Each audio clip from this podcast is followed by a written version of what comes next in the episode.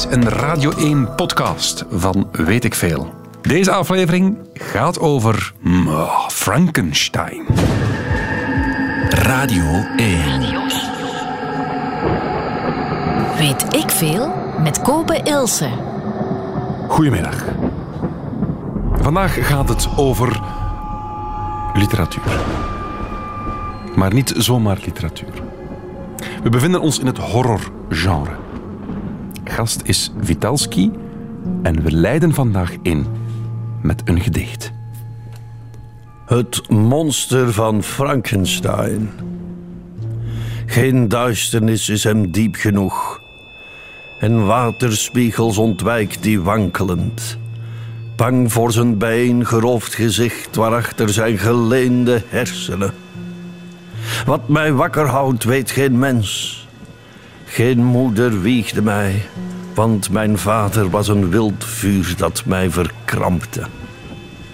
Zo lig ik wakker in de nacht, nat in de dag, slordig in de mond.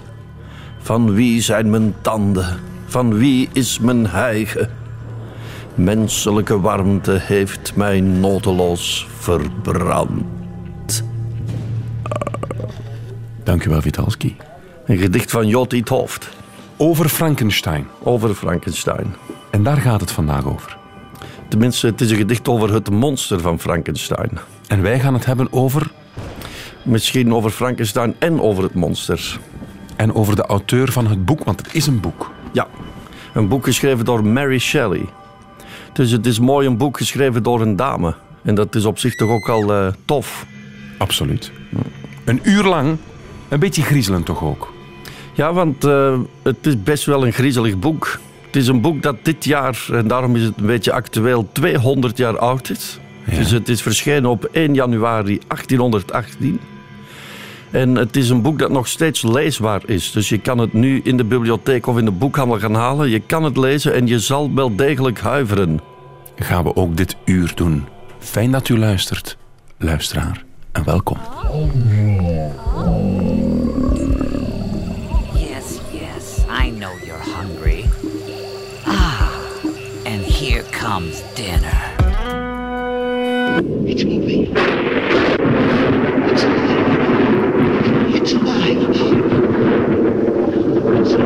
It's moving. It's alive. Oh, it's alive. It's alive. It's alive. It's alive. Oh, in the name of God. Now I know what it feels like to be God. Weet ik veel. Now I know how it feels like to be God, zegt Dr. Frankenstein. Want het is een misverstand. Het monster heet niet Frankenstein, het is de dokter die zo heet. Ja, dat klopt. Dus het monster zelf heeft geen naam. Dat is al een opvallend iets. Dus in het oorspronkelijke boek van Mary Shelley wordt het eh, monster van Frankenstein geregeld het monster genoemd. Maar ook de wretch, dat wil zeggen eh, het verwrongen creatuur, de slechterik, de stouterik. Vitalski, waarom geef je lezingen over Frankenstein? Want dat lijkt me een of ander horrorpersonage, zoals Dracula er ook in is. En zoals er nog vele andere zijn. Ik ben eh, zelf niet zo overdreven geïnteresseerd in horror. Dus eh, in Dracula en in Frankenstein wel, maar dan vooral omdat dat eh, figuren zijn die zijn gebaseerd op heel boeiende 19e eeuwse literaire boeken. Dus eh, ik ben gewoon toekoer heel erg geïnteresseerd in literatuur van 100 of 200 jaar geleden. Dus in eh, Duitsland wil dat zeggen dat Goethe mij interesseert. In Frankrijk wil ik vooral eh, alles weten van Baudelaire. In Rusland van Dostoevsky. Maar in Engeland is die kring rond Mary Shelley en Mary Shelley zelf fenomenaal boeiend. Waarom? Want het lijkt me een, goh, beetje flauw verhaal. Nee, over een monster dat tot leven gewekt wordt. Niet echt literair. Eh, ja, daar ben ik het dus wel eh, heel- helemaal niet mee eens. Het is absoluut geen flauw verhaal. Het is een, eh, een schokkend verhaal en het schokt nog steeds. Dus het idee dat je een dode tot leven wekt, Ja. die dan aan het handelen gaat en die zich op den duur zelfs wil voortplanten, is eigenlijk toch wel een schrikbarend idee. En dat trouwens een idee is dat nu ook dichter en dichterbij komt wat in onze huidige wetenschap. Dus het wordt alsmaar minder science fiction, het wordt alsmaar meer mogelijk. Dus Mary Shelley was visionair 200 jaar geleden. Een beetje wel. Eh, ze was in ieder geval wel een eh, kind van haar tijd. Omdat in die tijd, dus, en dat gaat dan over eh, dus begin van de 19e eeuw, dus jaren 1810. Toen waren er vele Europese wetenschappers letterlijk bezig met het reanimeren van lijken. Die mensen waren dat wel degelijk aan het proberen. Oké. Bijvoorbeeld eh, Italiaans-Engelse wetenschappers Aldani eh, en Galvani. Die legden werkelijk dode karkassen op eh, ijzeren platen met, met elektroden. En zo kregen ze dan die karkassen aan het bewegen.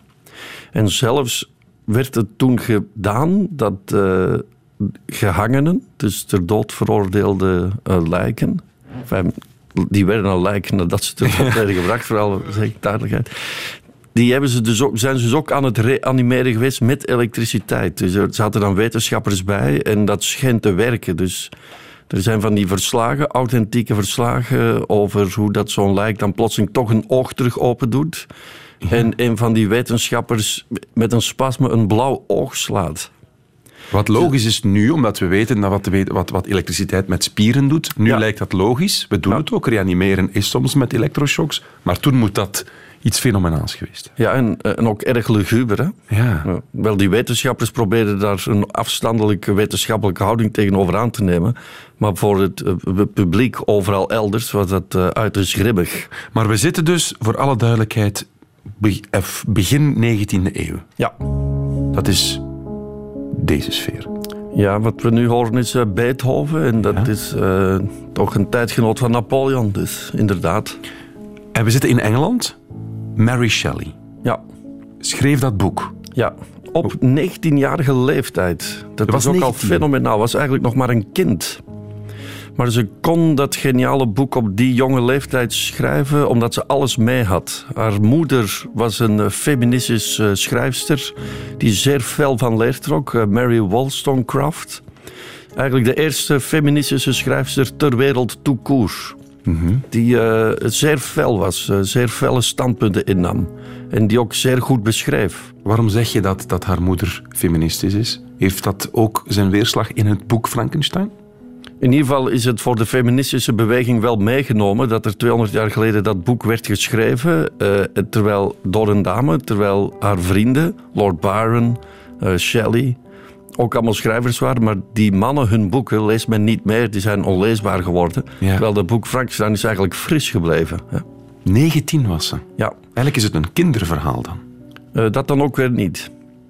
Maar haar moeder is eh, gestorven door haar geboorte. Dus eh, tien dagen nadat eh, Mary Wollstonecraft Mary Shelley geboren liet worden, is zij gestorven aan een ontsteking aan haar placenta. En daarover heeft Mary Shelley zich haar leven lang erg schuldig gevoeld. Van mijn moeder is gestorven door mijn schuld. En dat is een van die motieven in het boek Frankenstein van het verlangen om iemand die gestorven is terug tot leven te wekken. Oké. Dus het is inderdaad meer dan een, kinder, hè, dan een kinderboek. Het Maar is het is wel dus- degelijk een hevig thema. Het is dus wel de fantasie van een, een, een puber, bijna. Ik zou dit toch niet. Ik vind eigenlijk aan het boek Frankenstein niets puberaal. Want het is bovendien ook een aanval op God. Eh, omdat eh, Mary Shelley getrouwd was met Percy Shelley. Dat was een zeer felle atheïst. Die man die zei van ik wil alles, maar dan ook alles eh, doen om het christendom zelf een dolk in zijn hart te steken. En ingefluisterd door die Percy Shelley is eh, Frankenstein dus een eh, aanval op het christendom. Zoals je daar straks zelf citeerde. Victor Frankenstein, de professor die het monster gemaakt heeft, die roept uit... Eindelijk weet ik hoe het voelt om God te zijn. En nu is dat allemaal relatief, maar in 1818, toen dat boek verscheen, was dat kolossaal blasfemisch. En eh, hebben ze die boeken ook op de brandstapel eh, willen gooien. We hebben het al over de moeder gehad. Heeft de vader een rol gespeeld? Evenzeer. Dus eh, de vader van Mary Shelley was Godwin, William Godwin. En dat was eigenlijk dan weer een van de eerste anarchisten ooit. Die ook boeken schreef over hoe leven we in een zo groot mogelijke vrijheid. Hij was tegen kapitaal. Hij vond, je kan eh, geld van andere mensen gebruiken. Je moet die mensen er ook niet voor bedanken. Want dat geld is eigenlijk van iedereen. Dus eh, een zeer felle man die eh, erg populair was door zijn boeken over anarchie. Die gebaseerd waren op de Franse revolutie. De idealen van de Franse revolutie. Die toen allemaal aan het ontstaan en bloeien waren. Maar het probleem is dat een jaar nadat Godwin met zijn boeken zo beroemd werd, de Frans-Engelse oorlog uitbrak en in Engeland er een verbod eh, plotseling opkwam tegen iedereen die sympathiseerde met Frankrijk. Dus van de ene dag op de andere werd die vader van Mary Shelley verketterd. Van eerst was hij een held, wauw, tof, eh, anarchistische ideeën. En plotseling moest hij ook op de brandstapel. Dus die werd verstoten, die Godwin. En dat is ook zoals het monster van Frankenstein eigenlijk wordt verstoten. Dat het zo lelijk is. De moeder, de vader, je hebt al gezegd dat ze getrouwd was. Op Ja. haar negentiende? Of zelfs vroeger dan? Eh, wel, toen was ze nog niet getrouwd. Eh, dat is ook zeer romantisch. Hè. We zitten nu echt eh, volle, volle bak in de romantiek. Dus die William Godwin die sympathiseerde wel met zijn toekomstige schoonzoon, die Percy Shelley, was een visionair dichter, maar die was wel veel te extreem. Die experimenteerde met laudanum, zijnde een toen nog legale drug, maar toch ook wel met hevige gevolgen.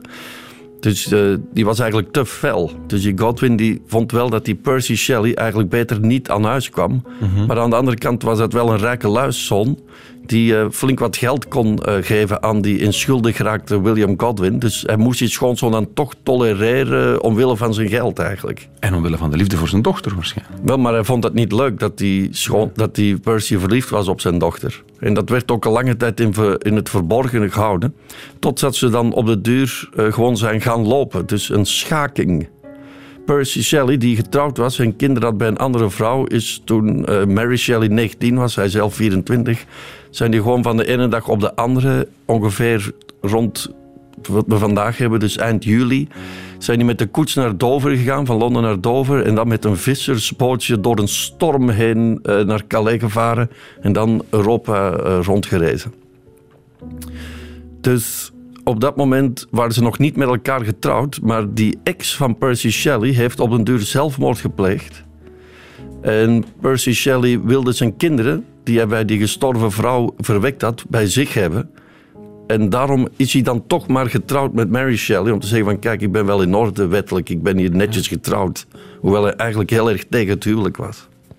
Het is veel informatie. Ik weet niet of, je- of je me een beetje kan volgen. Zeker en vast. Hevig allemaal, hè?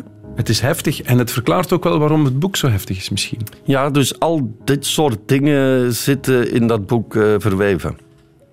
Terwijl dat Mary Shelley aan het boek aan het schrijven was, als 19-jarig meisje, geraakte ze ook zwanger van een kind dat stierf. En enkele maanden, wel, een, een jaartje daarna, eh, heeft ze opnieuw een kind verloren. Dus die twee kinderen die sterven, dat morbide daarvan, en die spijt en dat verdriet en dat verlangen om die kinderen terug tot leven te mogen zien komen, ook dat zit allemaal in dat boek Frankenstein verweven. Dus ik ben begonnen met te zeggen dat Frankenstein een soort horror, goedkoop horrorverhaal is, maar het is geboetseerd door veel leed en lijden. Ja, Radio 1. Altijd benieuwd. Het gaat over Frankenstein vandaag in eh, Weet ik Veel. Een programma normaal voor beginners, maar we gaan er diep in. kunnen niet anders. We kunnen niet anders, want het lijkt allemaal een, een, een horrorverhaal. Misschien wat goh, triviaal. Hè? Een dode tot leven wekken, dat klinkt allemaal zo wat goedkoop. Maar dat is het niet, want Mary Shelley, de auteur van het boek... en we zitten begin 19e eeuw, heeft een onwaarschijnlijk levensverhaal. Overigens, Kobe, nu klinkt dat een beetje banaal, een dode tot leven wekken, omdat dat ondertussen, dat verhaal, miljard keren gerecycleerd is. Ja. Maar toen was dat de allereerste keer ooit dat er zo'n verhaal werd geschreven. En dat iemand dat nog maar dacht te bedenken. bedenken. Dus Ja. eigenlijk is het boek Frankenstein, behalve een, een, een intens griezelboek, is het ook het allereerste science fiction boek ooit.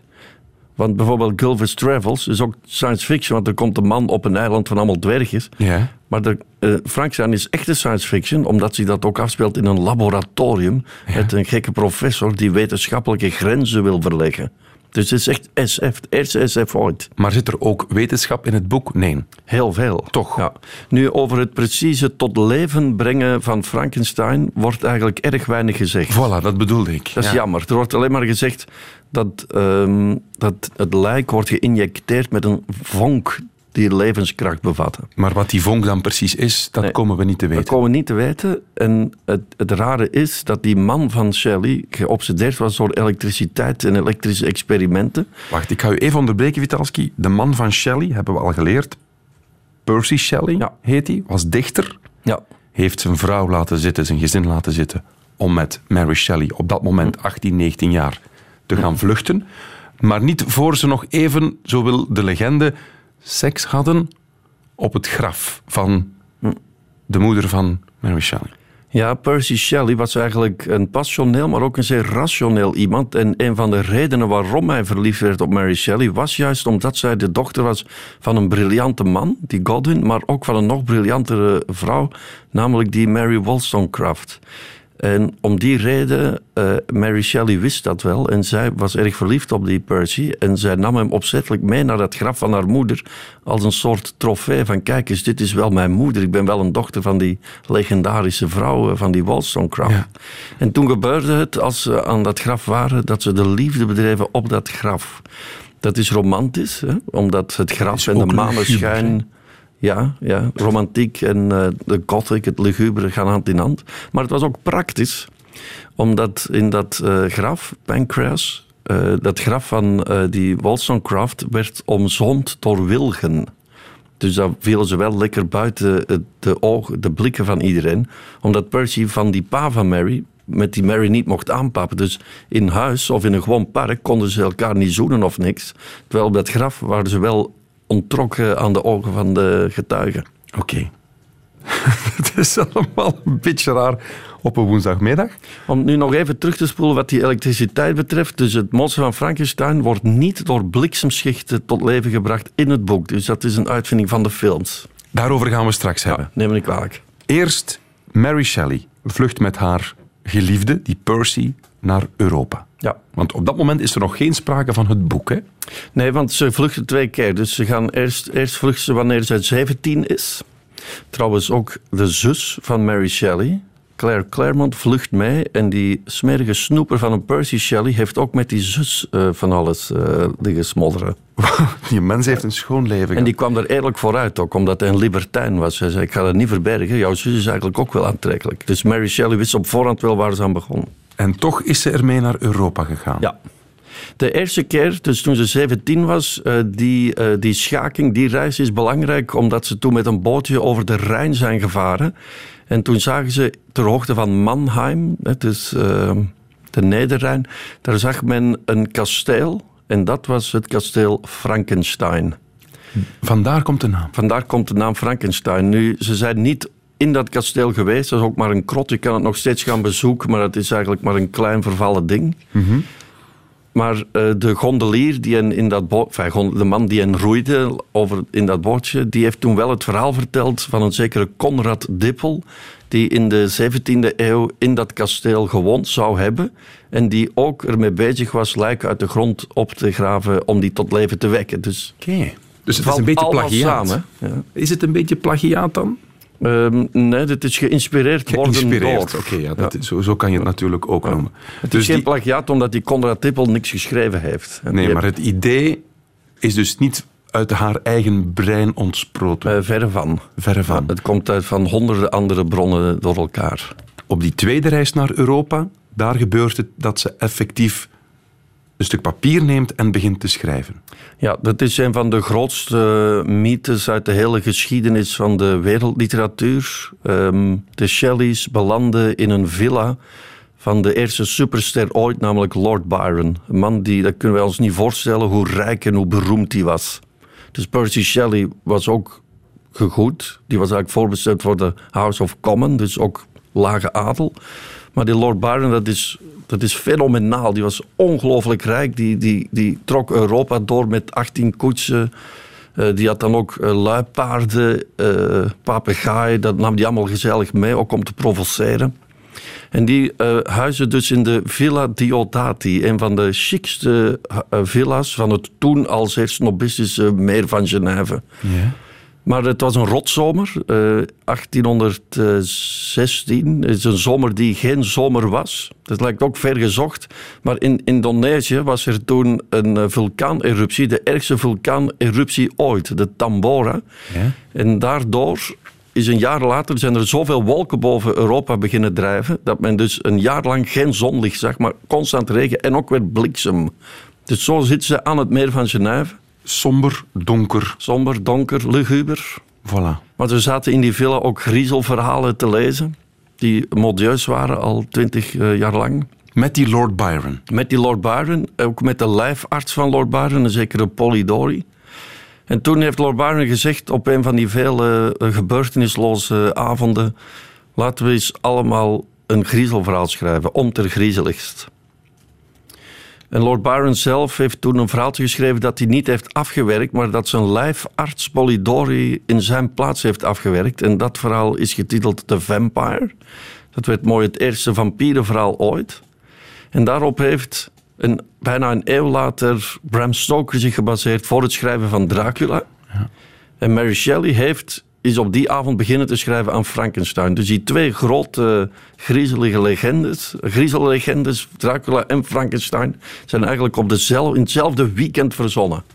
Wauw, straffe wijn toen. Ja, hè? straf hè? Ja. Absoluut. En toen is bij Mary Shelley alles beginnen dagen van dat boottochtje in Mannheim, Ja. die naam Frankenstein, dat idee van die lijken die tot leven Hm. gebracht werden, haar eigen moeder die gestorven is in het kraambed, haar vader. En zo is het dus allemaal in elkaar gevloeid. Ja, het, het viel als één puzzel in elkaar. Ehm, en het moet ook echt zo gebeurd zijn, omdat ze schrijft dat ze een lucide droom had. Ze droomde dat ze een man, een professor, in een laboratorium op zijn knieën zag zitten en dat die professor naar haar uitreikte. Juist zoals ook het monster van Frankenstein met zijn armen gestrekt naar zijn slachtoffer toe eh, stapt. Ja. En ze schrok wakker uit die droom. Eh, ze rende naar haar gezelschap. Ze vond het te eng om nog alleen in bed te blijven liggen. En, en dat beeld is haar voor ogen blijven zweven gedurende de negen maanden dat ze aan het boek geschreven heeft. Ze was zwanger, hè? Zelf? Ze was zwanger, ja. Ehm, het is niet zeker of ze op dat moment wist dat ze zwanger was. Ik bedoel, in het prille begin, wanneer ze dat boek schreef. Daarna wel. En dat is ook raar. Hoe kan je nu zo'n morbid boek schrijven, terwijl je wel bezig bent met in je buik een kind te broeden? Dat is eigenlijk toch wel contradictorisch. Maar ook aan dat kind hangt de dood. Ja, dat kind, eh, wanneer dat geboren... Wel, dat eerste kind, Clara... Nee, nee, dat, dat kind dat geboren wordt, eh, dat, wel, waarvan ze in Genève zwanger is, dat kind heet William. En in het boek Frankenstein is er ook een kind dat heet William. En dat wordt in dat boek vermoord. Dat is eigenlijk niet te tolereren, vind ik. Dus als mijn vrouw een schrijfster was en die zou een personage de naam geven van een van onze kinderen en die zou dat kind in dat boek laten sterven, dan zou ik een echtscheiding aanvragen. Want dat klopt niet, dat is echt morbid. Ja. En de realiteit heeft dat dan ingehaald. Het kind kreeg malaria op je, op je twee, driejarige leeftijd en is dus ook gestorven. Dus eh, je speelt wel met vuur Vin, hè, als je zulke lugubere dingen verzint. En het boek heeft ook negen maanden, of is negen maanden in ontwikkeling geweest. Ook een zwangerschap. Ja, je wordt er dus zelf bijgelovig van. Dus eh, Mary Shelley heeft negen maanden aan het boek geschreven. En dan heeft het nog eens exact negen maanden geduurd voor ze er een uitgever voor vonden. Het kan toch allemaal geen toeval zijn? Zou je op de duur denken van niet? Een heer van stand, een avonturier, briljant met bizarre trekjes. In dat type rollen heeft Peter Cushing altijd uitgeblonken. Als Sherlock Holmes in The Hound of the Baskervilles of als Dracula Dood.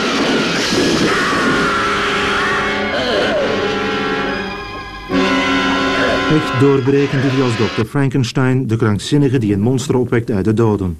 Good morning, Simon. Do you think that color would suit our friend? Hmm.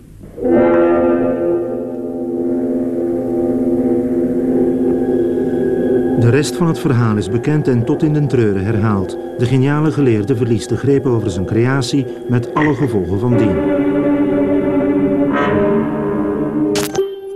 Er gaat het vandaag over met Vitalski, performer en toert op dit moment met een lezing over Frankenstein. We hebben al de context er rond gekregen, het verhaal van de auteur, Mary Shelley. Een fascinerend verhaal, daarover alleen kunnen we eigenlijk een uur vullen.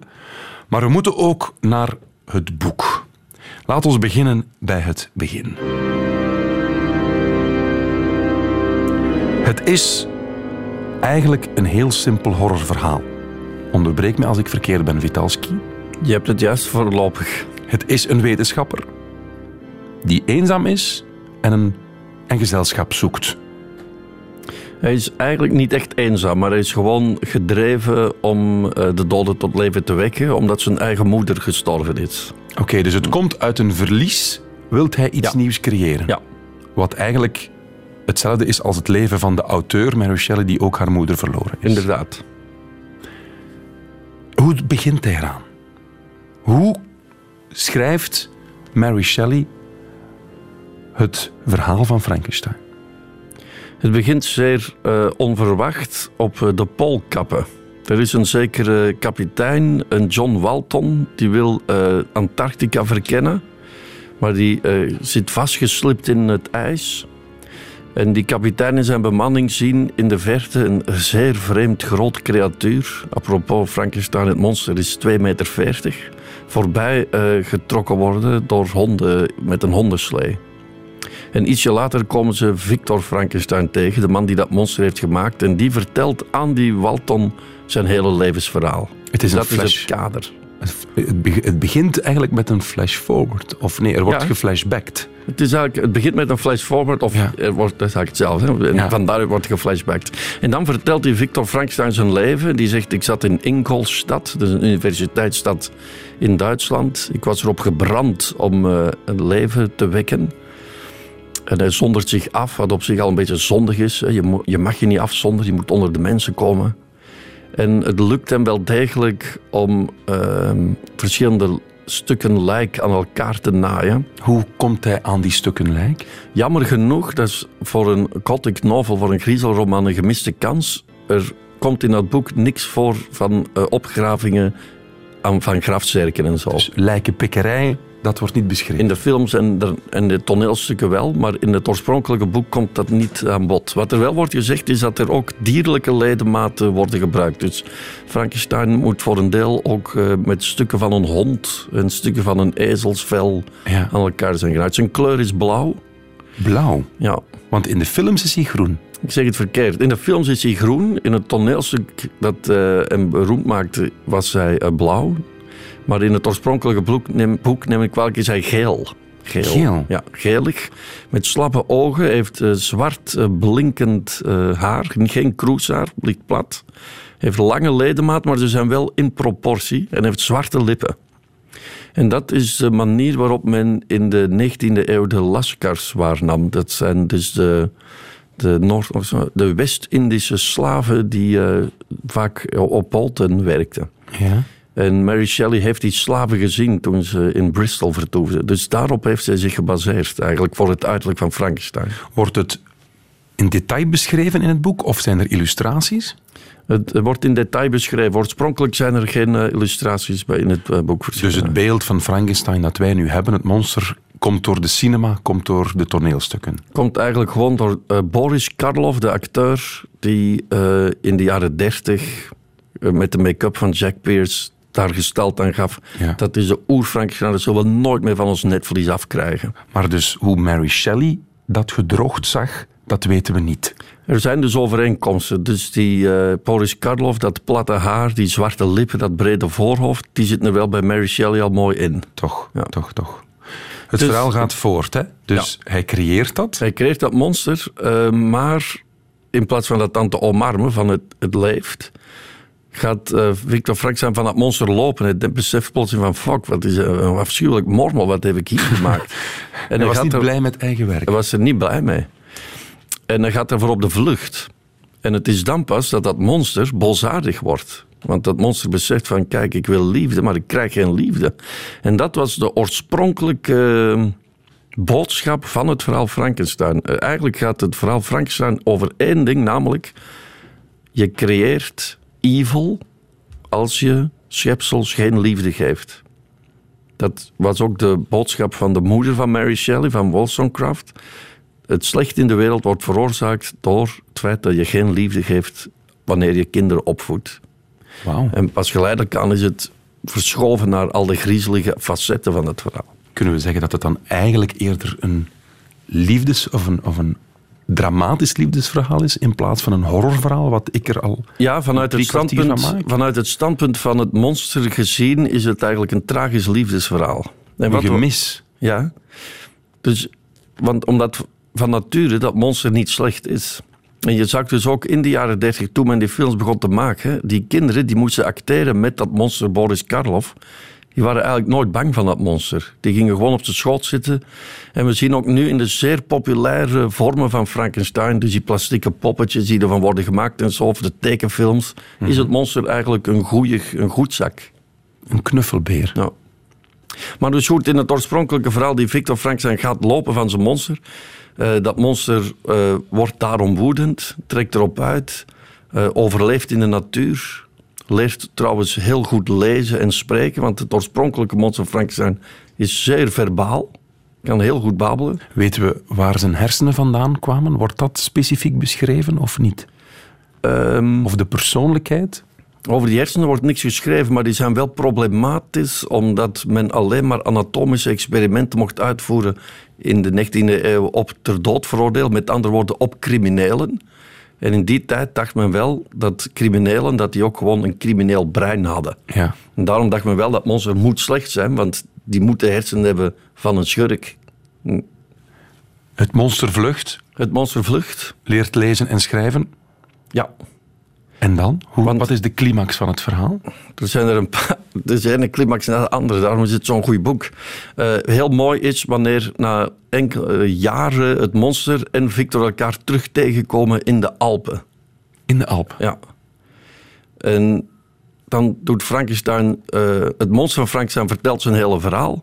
En zegt dan van, ik zal jou, je bent voor mij gaan lopen nadat je me gemaakt hebt. Dat is onvergeeflijk, maar ik zal je toch vergeven. Ik zal wegvluchten naar Zuid-Amerika en je zal geen last meer van me hebben. Op voorwaarde dat je nog een monster maakt. Namelijk een vrouwelijk eh, Frank, monster van Frankenstein. The Bride. The Bride. Dus ik had, dacht altijd zelf dat is iets dat Hollywood er later heeft bijverzonnen. Maar dat is niet. The Bride of Frankenstein, dat thema, zit in het oorspronkelijke boek. Eigenlijk is het een thema van de zoon die liefde vraagt aan zijn vader. Hè? Ja, daar zeg je wat. De afwezige vader die er nooit was. Ja. En met veel tegenzin maakt die Victor Frankenstein die dat vrouwelijke monster, maar wanneer dat bijna klaar is, denkt hij, ik kan dit niet doen. Waarom niet? Als hij die vrouw maakt, dan gaan die zich voortplanten. En dat was ook het meest blasfemische aan het hele boek. Niet dat je het leven creëert, maar dat dat leven, los van God, een heel ras gaat worden. Dus eh, dan verbrandt eh, Victor zijn laboratorium. Dan wordt eh, het monster definitief woedend. En gaat hij de verloofde van Victor Frankenstein gaan wurgen. En overal brand, dood en verderf stichten. Mogen we spoilen? Hoe eindigt het? Het eindigt ermee dat Victor Frankenstein sterft van uitputting in de armen van die kapitein. Welke kapitein? Ah ja, van... kapitein ja. op Antarctica. En dat het monster, eh, we zien het monster wegdrijven op een ijsschots. En dat monster zegt nu dat mijn creator niet meer leeft, heeft mijn leven geen zin meer. Ik zal mijzelf wel zelfmoorden. Dat zegt hij, maar dat gebeurt niet. Dus het, het, laat wel, het staat open voor een sequel, voor een vervolg. Is die er ooit gekomen? Niet eh, bij Mary Frankenstein, eh, niet bij Mary Shelley's, excuseer, eigen. Zij heeft het zelf niet geschreven, maar er zijn natuurlijk wel honderden sequels verschenen. Dus omdat zijn creator, die hem eigenlijk nooit wou, stierf, heeft het monster beslist, dan hoeft het voor mij ook niet meer. Ja, ze waren eigenlijk als yin en yang, Ze kunnen niet met elkaar, maar nog minder zonder elkaar. inderdaad. Radio 1. Weet ik veel? Frankenstein met Vitalski. Fan van het verhaal of fan van alles wat er rondhangt? Want het is veel meer dan dat boek alleen. Hè? Ja, van, van alles, van het verhaal en van de, het universum. Want 1 plus 1 is echt 5 in deze. Ja, daar heb je gelijk in. Wat heeft de auteur, Mary Shelley, we spreken begin 19e eeuw, heeft die er nu aan verdiend? Want het is een bestseller geworden. De kopieën zijn niet te tellen. De afgeleiden zijn niet te tellen. De persoon die Harry Potter geschreven heeft is miljardaire J.K. Rowling. Hoe is het met Mary Shelley gegaan? Het boek is eh, oorspronkelijk verschenen op 500 exemplaren bij een derdehands uitgevertje. De grote uitgevers wilden er niet aan. Ehm, 500 exemplaren lijkt weinig, maar het is een ander Europa. Eh, die 500 exemplaren die zijn wel van hand tot hand gegaan in het juiste milieu. Dus met die 500 boeken is ze wel meteen beroemd geworden. Iedereen las het boek, werd, er werd meteen over gecorrespondeerd. De beroemde Walter Scott, schrijver van Ivanhoe, schreef er uitzonderlijk genoeg een positieve review over. Maar alles bij elkaar heeft ze er maar eh, 3000 euro aan verdiend. 3000 euro in die tijd, wat toen heel veel geld was, of omgerekend? Het was eh, 3000? toch weinig geld. Weinig. weinig geld. Dus ze heeft er eigenlijk niet echt een rijkelijk leven door kunnen leiden. Wel, ze ging wel door het leven als Lady Frankenstein. Dus haar naam was wel gezet. Ja. De vraag is of dat een compliment is natuurlijk. Ja, het klopt. eh, dat is een negatieve kant, omdat het boek blasfemisch was, antichristelijk eh, en goddeloos. Maar ja, het, was, het werd toch erkend als vormelijk goed geschreven. Oké. We naderen het einde van dit eh, bijzonder fijne uur. Vitalski, waarvoor dank. Ja, het was hier leuk, leuk. En elke keer moet ik dan bewijzen of ik wel goed geluisterd heb. Dus we zijn klaar voor het examen. Oké. Het Frankenstein-examen. Maak je borst nat, eh, Kolbe Ilse, voor deze vraag.